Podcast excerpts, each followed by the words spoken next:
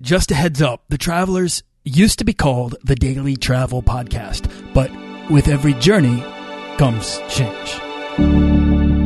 This podcast is produced by Holocene, a community of creative travelers. If you want to get serious about planning that next trip, writing that book, starting that creative project, or launching that business, we're breaking down the barriers between where you are and where you want to be together at joinholocene.com. That's join, H O L O C E N E dot com. study abroad and encouraging greater and more diverse numbers of Americans students to travel and study abroad. We know that today's globally minded students have a strong interest in either studying abroad or in working abroad. Surveys over the past 10 years show that well over half of our current or incoming college students share this interest. So, why aren't more students studying abroad? How do we get greater and more diverse numbers of American students to surmount real and perceived barriers so they can actually act on their This is part three abroad? of a five part podcast miniseries on the White House Travel Blogger Summit on study abroad and global citizenship. 15 years ago, there were nearly 130,000 U.S. students studying abroad, with this number more than doubling by 2012 2013 to 289,000. In this installment, we're going to explore the murky facts and figures to take a cursory look at study abroad as a complex issue.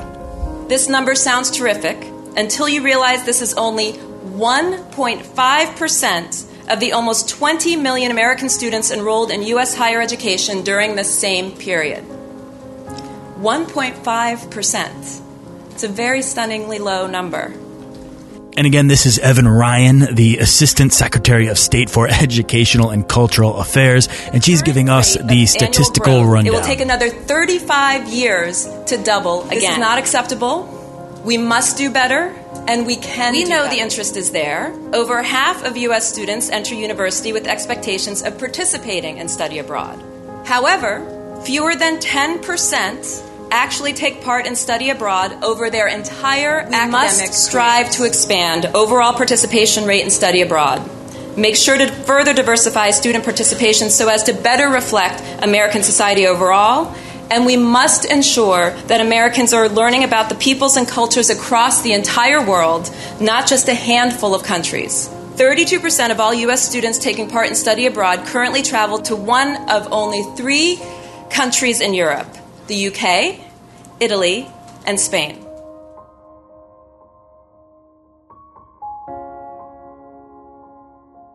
Hi, I'm Samantha Brown. I've been a host on the Travel Channel for 15 years, where it's been um, thank, thank you, um, uh, where it's been the enviable job of me to travel the world for a living. So.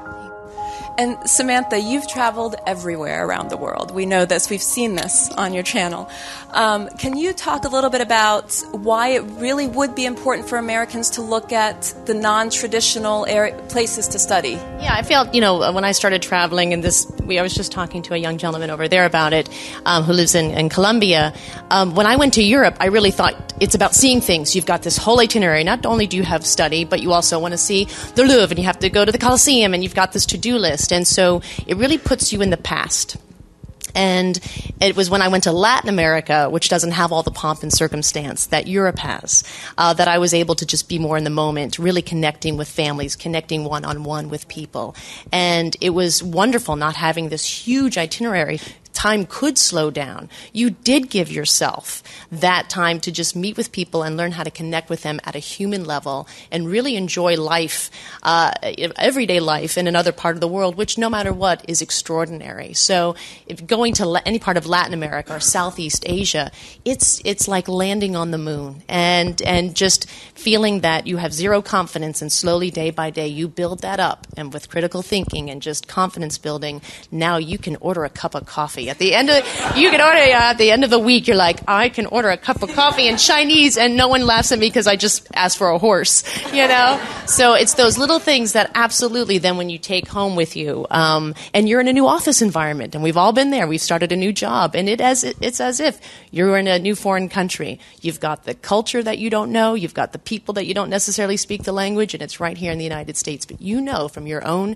experiences being abroad that I can do this. By the end of the week, I'm going to be ordering coffee. You know? I, I agree 100%. I'm sure everybody does. I think the resilience that you learn from a study abroad experience, I mean, you can really, you can probably deal with anything when, you, when you've really landed at this age, especially at, a, at, at university level, and you've landed in another country, you've really got to learn on the ground and, and kind of make your way as you go. So fail. Exactly. And I think this is the yeah. time to fail. Yes. And this is the time to be humiliated. Yes. And this is the time to feel so out of place.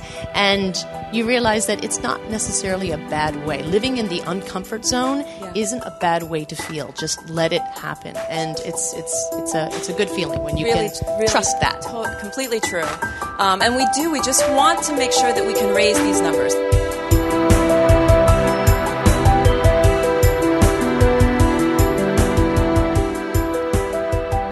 Essentially, the older we get, our time somehow goes faster. And uh, one thing that I really did enjoy about uh, going abroad is time does slow down, and it slows it slowed down so much where you can actually step away from the American culture of busyness and, and kind of reflect on what you're learning and what you're doing in life, and that in itself is kind of helps you.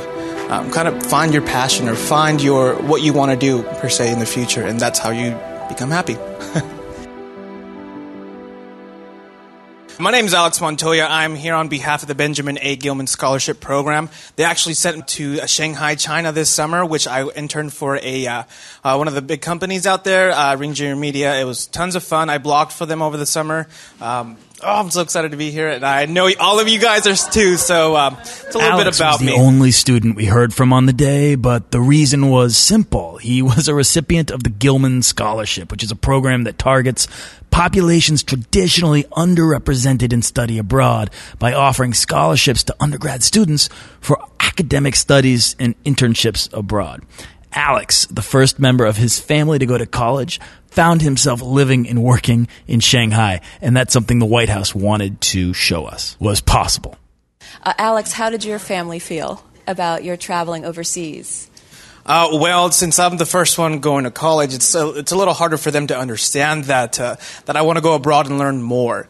Uh, for them, that in itself was uh, they didn't accept it. Uh, in our environment, the way we we were raised, it just wasn't a possibility essentially. So the fact that i was able to get these international scholarships and things uh, that, that prove that i am capable of doing more i think that's an excellent uh, way to show other students like uh, like who are also hispanic latinos or um, who need funding for whatever reason uh, give them video give them these things like the blogs that i did over the summer. Show them this to sh- uh, just kind of showcase that it's possible, and, and I think that's kind of like one of the biggest things they uh, saw after a while. One of the main reasons I actually found out about the Gilman Scholarship was whenever I was obviously lacking of funds for uh, my trip to China. I really wanted to uh, kind of push myself after I studied abroad in Italy uh, my freshman year. I needed to do something more for myself. So uh, trying to get an internship abroad, obviously, uh, it's it's non-paid. and I, I needed to figure out a way to get there. So um, the only after months of research and just going through everything, I figured out the Gilman Scholarship was available, and I basically checked off all the uh, boxes: a minority, uh, financial need, a male. So I, uh, and uh, that's how I figured out about the Gilman Scholarship, and it's a very uh, competitive. Over 9,000 applications go through it every, annually, and about just about 3,000 people actually get to uh, study abroad with the help of Gilman. So it's a it's an honor to be here, and just get that scholarship itself means a lot to me and whoever else gets it. The fact is, we can do better, and it's crucial that we do for the sake of your country keeping pace. Wherever you are, study abroad is a moral imperative but we face a lot of issues and perspectives and opinions. I think that you guys have great programs. People just don't know what they are, and you're not getting the message out properly. You know, just look at the basics. It's not just the schools. A lot of schools don't give college credits for abroad. So, yeah, you can go study abroad, but you're still going to be a junior. Is that cool? All your friends are going to graduate without you. How many of you at orientation said, I want to study abroad? Well, most of you did. But what ends up happening is that office is across campus and in the basement of some building. Bring it to the forefront. So that's the first thing to start breaking down. I think the best way to turn this around is demand. So if there were a movement online you know, if there were folks who were advocating for this, you would see conversations at the school at the school board level, and you might see things change. If you think this is something that you want your school board to be doing, what are you going to do to make a case to make that change happen on the ground? So, no, but it, uh, honestly, it, it is important, really, that, that, that parents understand that studying abroad is not about just the adventure. It's not about, it's not this sort of uh, uh unnecessary luxury that is really a central element in the education of your, of your child. Uh, we tell stories, and each story needs a protagonist that's when the murky facts and figures and things that we're trying to figure out suddenly come into focus. When we go, oh, that's the story. There are so many statistics, complexities, and issues that if I were to focus on them, we'd all get bored and discouraged. So I want to own in on communicating the emotional component of travel to scratch that itchy wanderlust in you, the protagonist. Next time in this five part podcast miniseries on the White House Summit on Study Abroad and Global Citizenship.